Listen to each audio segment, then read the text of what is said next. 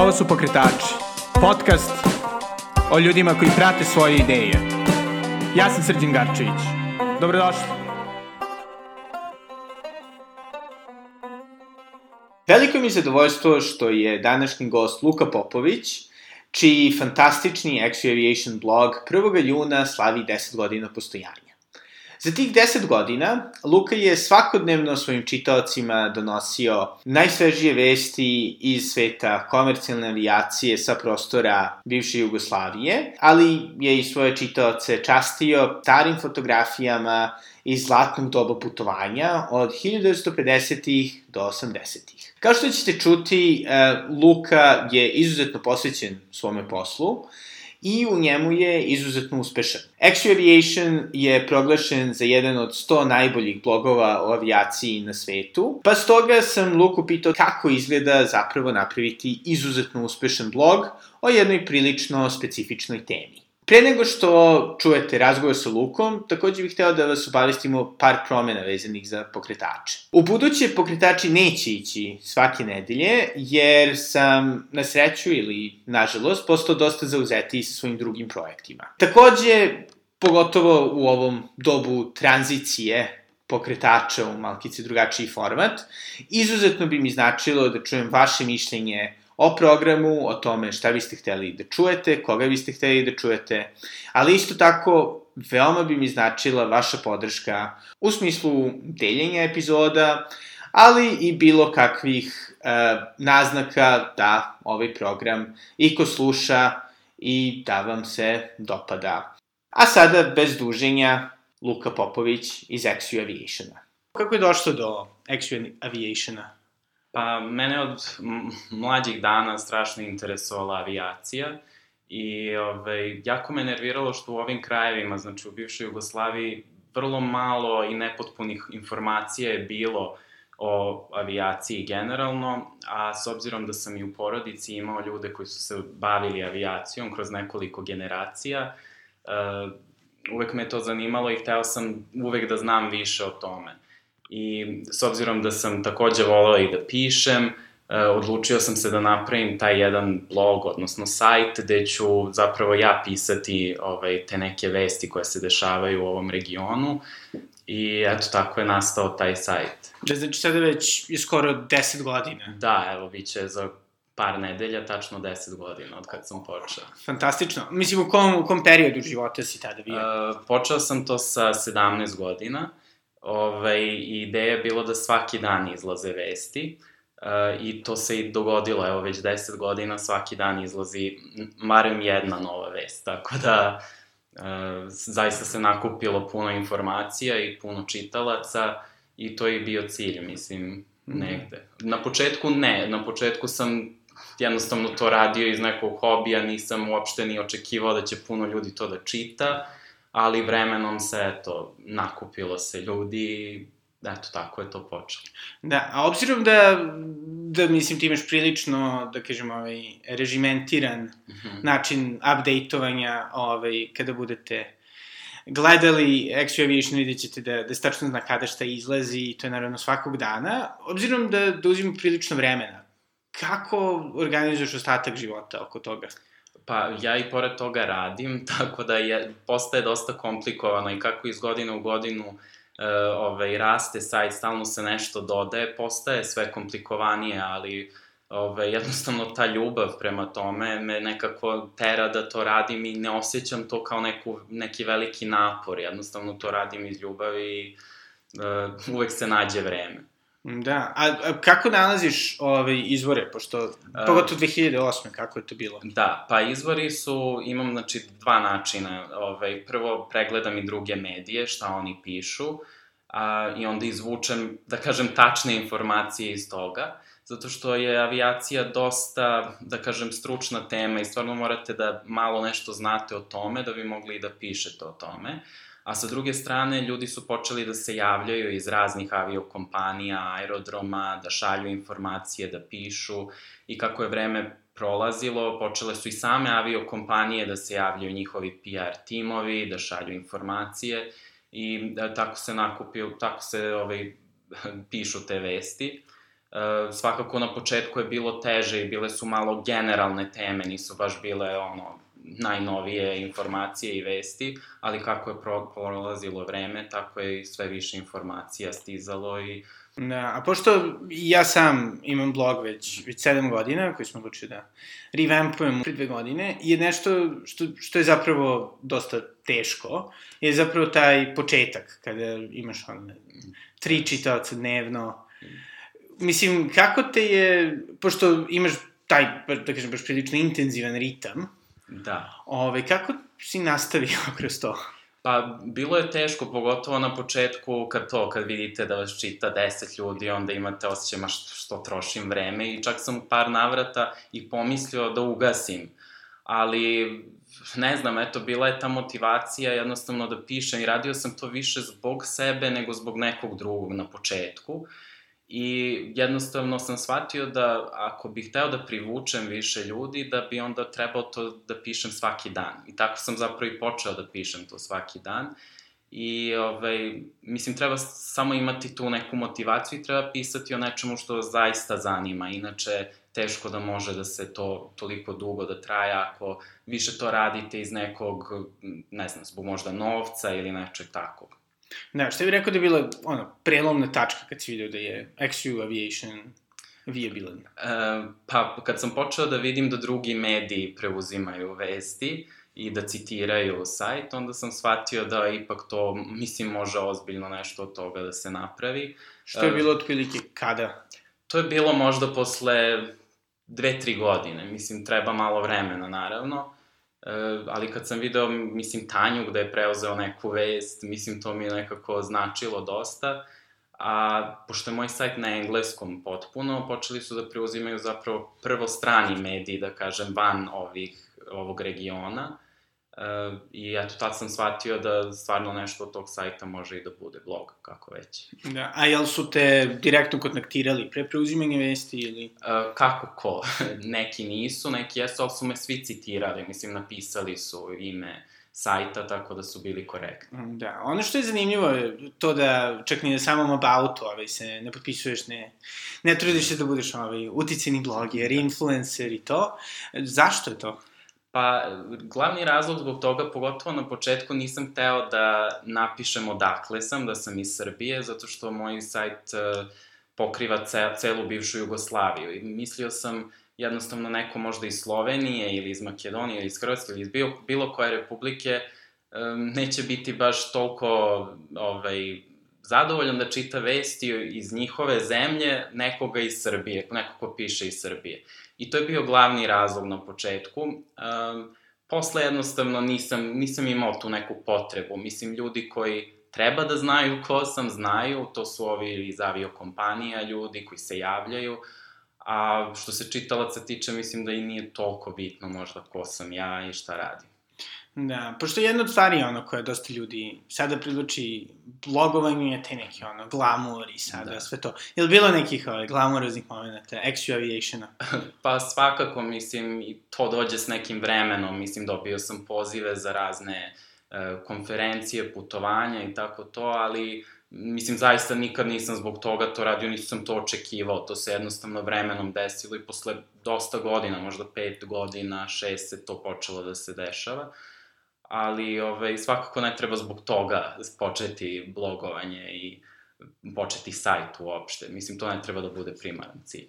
Da, a još jedna stvar koja je onako dosta, da kažem, tipična za, za nove ljude koji hoće da se bave blogovanjem i ljude koji ih obučavaju kako da se time bave, je ovaj, ta priča o tome kao možete vrlo brzo da, da postoji ona neki, neki algoritam za dobijanje ovaj, uspeha. Misliš da, da postoji nešto? Pa, ne mislim preko noći da može da se napravi neki uspeh što se blogovanja tiče. Svakako treba odabrati temu koja vas interesuje, jer ćete onda uvek imati nešto o čemu da pišete i ako vidite ljudi da ste stručni u tome o čemu pišete, onda će ih to interesovati. Ovaj, ali mislim da samo treba treba dosta vremena i truda da bi stvarno se napravio neki uspeh od e, blogovanja uopšte, tako da ne mislim da postoji neka, neki magični recept, samo radi trud. Da, a što se tiče ove stručnosti, bivši da si to krenuo u ovoj prilično mladom dobu. Jel si i u svojim ono, studijama se baviš avijacijom? E, ne, zapravo završio sam političke nauke koje nemaju veze sa avijacijom. Novinarstvo ili? No, e, ne, nisam ni novinarstvo, nego međunarodne odnose, tako da e, nisam imao nikakve veze.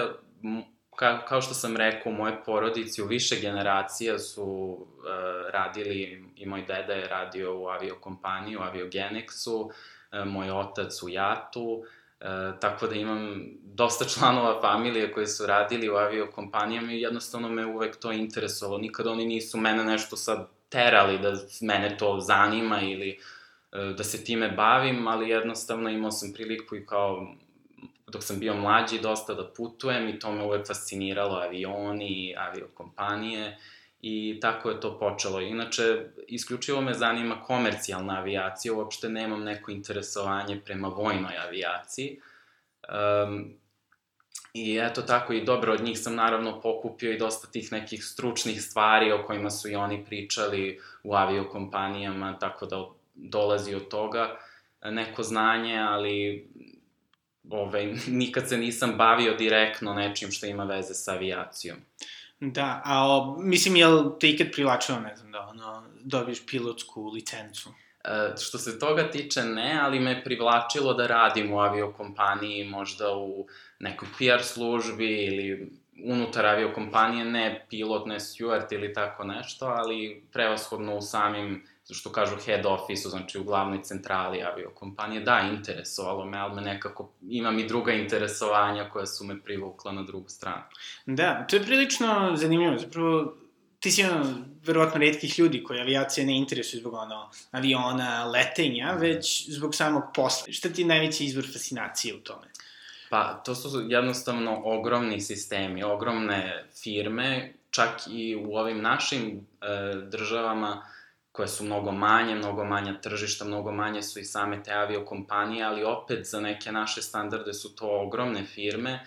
E, jednostavno kako to sve funkcioniše, koliko stvari tu, e, koliko stvari i truda i rada zahteva da jedna aviokompanija opstane, to je vrlo teška industrija, vrlo konkurentna i uvek me to fasciniralo kako, kako može jedna aviokompanija da opstane, pogotovo nacionalne kompanije. E, I zbog toga me to toliko zanima. Da, a opet s druge strane, pisanje. Ovaj, da. Pogotovo, da kažem, prilično tehničkoj temi. Kako si to razvio? Pa, pisanje me isto zanimalo od mlađih dana i u školi sam se bavio pisanjem, u školskim novinama i tako.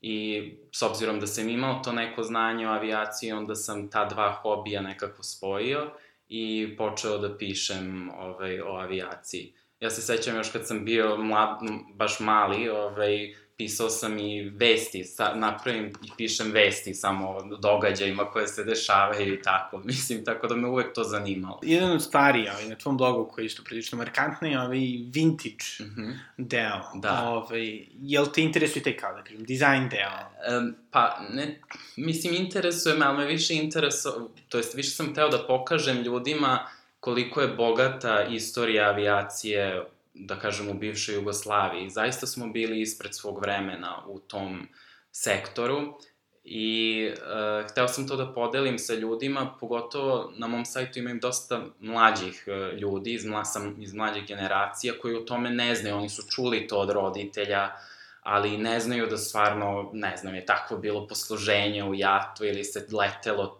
na razne destinacije.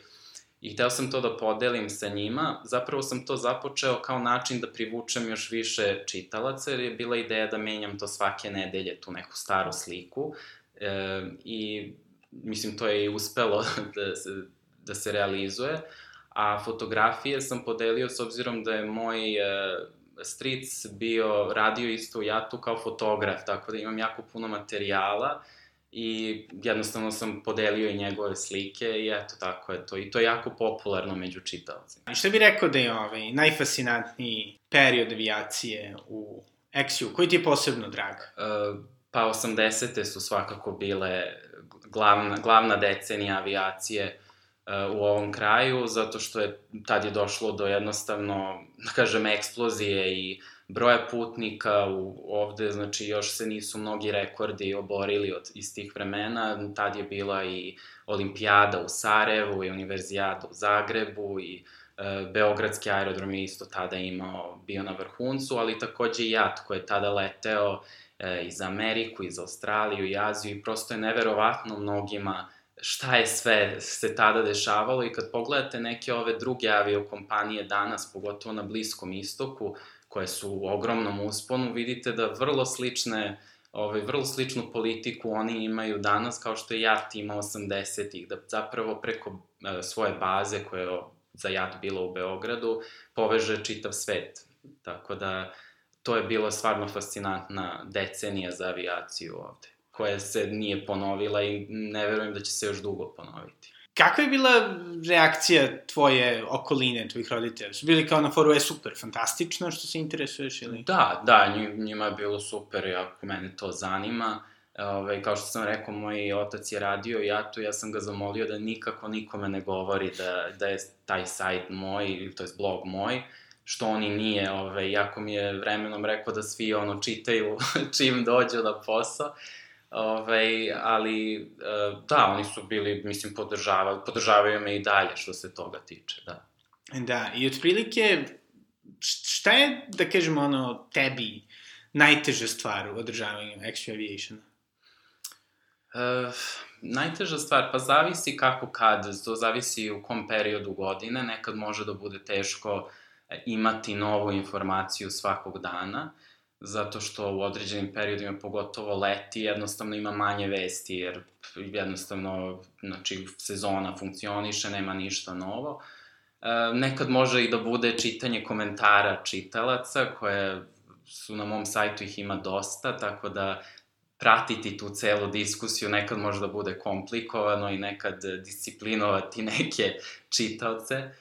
Um, ali ne bih rekao da postoji jedna stvar koja me strašno tu, uh, koju vidim kao komplikaciju ili nešto što mi teško pada. Mislim, jednostavno volim to što radim i nemam, nemam neki problem već. A sada da se vratimo na, na zanimljivu stvar, na Exio prostorima, to su komentari. Da. Ali kako moderiraš i kako strujiš da to ne postane da. previše šovinistički? pa, nekad može da bude vrlo teško, ali uglavnom e, imao sam periode za ovih 10 godina kad je bilo e, kada je bilo dosta takvih komentara, sad je dosta su fin, fin svet koji komentariše i čita, ali ovaj, kod mene su se, znači, objavljaju se komentari kako ga neko pošalje i zapravo moderaciju vršim tek nakon što je komentar objavljen, zato što ima toliko komentara da bi bilo teško ako bih prvo moderisao komentare, ne bi bili objavljeni po sat jedan i onda nekako taj deo diskusija na mom sajtu je jedan od glavnih zapravo stvari na mom sajtu, što ljudi mogu da, da diskutuju o svemu, to jest o temi naravno. I uh, jednostavno, eto, kad, nek, kad se objavi komentar, ja pročitam, pokušavam što pre da to uradim i onda u slučaju da komentar nije u skladu sa pravilima, ja ga obrišem.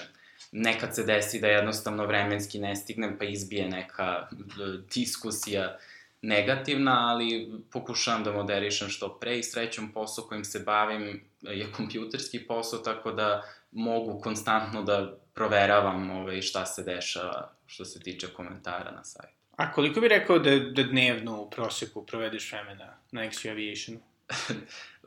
Gotovo svaki slobodan trenutak jako puno provodim, mnogo više nego što bi trebao možda. Uh, uh, jako puno, par sati sigurno, jedno 5-6 sati dnevno, verovatno, da. Dok se, kad se sve spoji, znači traženje vesti, pisanje, moderisanje, sigurno ispadne toliko. Ja si razmišljao da ovaj, zaposliš? E, razmišljao sam, ali dosta je komplikovano zato što je, e, znači, blog ili sajt je na engleskom i naći nekoga ko baš na tom nivou neki engleski ima je dosta teško, pogotovo u tom sektoru avijacije gde je jezik malo specifičan, određeni termini. I ovaj, tako da uvek bih želeo, ja bih želeo da imam neko da piše vesti, ali jednostavno za sad ne vidim tu mogućnost. Gde otprilike vidiš Exio Aviation za pet godina? Nikad nisam tako razmišljao, jer prosto nisam ni pre pet mogao da zamislim da ću i dalje pisati i za X Aviation, uvijek mi je bilo to trajaće dok traje. Sad, zaista ne znam, ne znam da ga vidim, vidim ga i dalje da se objavljuju vesti svaki dan, kako će to biti izvodljivo, ne znam, ali nek ide nekim svojim tokom, pa ćemo videti. Pričao si da si, da je bilo trenutka kada si hteo da odustaneš. Zbog da. čega? Pre svega na početku, to je, to je bilo na početku, zato što nije bilo puno čitalaca, a ipak sam dosta truda ulagao i vremena u to i nisam video poentu. Mislim, jako je, ja jesam to započeo ne sa nekim ciljem, ali ipak svakako je cilj da neko to čita, mislim. Nije to bio neki dnevnik lični, tako da jeste bio cilj da neko čita. I na početku je bilo baš teško uopšte ovaj, privući ljude da saznaju za taj blog, ali vremenom je počelo da se deli na nekim forumima i tako da preuzimaju vesti drugi sajtovi, tako da je počeli su ljudi da čitaju. Pošto deluje da si dosta onako, da kažem, e, neagresivno promovisao iz Brenda Svomocu, da ga, jeli, da, da. promoviše na poslu i kod drugih, e, kako si uopšte širio? Pa, prvenstveno, eto, postoji stvarno jedan kompletan svet ljudi koji je opčinjen avijacijom, tom komercijalnom avijacijom po čitavom svetu. I postoje brojni forumi uh, gde se dele te vesti, informacije, pošto iz ovog kraja sveta zaista nije bilo ništa, pogotovo na engleskom, na jeziku koji svi mogu da razumeju, onda je to tako zapravo počelo da se deli na raznim forumima, uh, tako da je tako počela ta neka promocija. Uh, onda... Ja si ti lično delio? Uh, delio sam ja lično, tako da je tako to započelo, to je bio jedini način. Onda je, ovaj, onda su, naravno, je nastao i Facebook i Twitter i onda to je bilo mnogo lakše da se promoviš u vesti tako informacije. Da, sad još plus ovaj promene algoritma. Da, da. Jel si uživao tokom ovoga traja? Ne, ne, to je bila katastrofa kad su ukinuli ovaj, da. onaj news feed tradicionalni, da, to je baš uticalo i kod mene na, na broj čitalaca. Da, to je bilo fantastično. bilo ne ponovilo se. Da. Pa dobro, a šta bi ovaj savjetovao nekom ko bi hteo da, da pokrene blog? Pa neko ko bi hteo da pokrene blog trebao bi, znači, da, opet kao što sam rekao, da odabere temu koja ga zanima, e, da zaista želi time da se bavi iz neke, da kažem, ljubavi, ne znam kako da kažem, ovaj, a ne zbog nekog, sad da bi dobili nešto od toga. I mislim da onda neće imati problem da ima i materijal svakog dana, ne mora svakog dana, ali da ima redovan materijal za to što piše.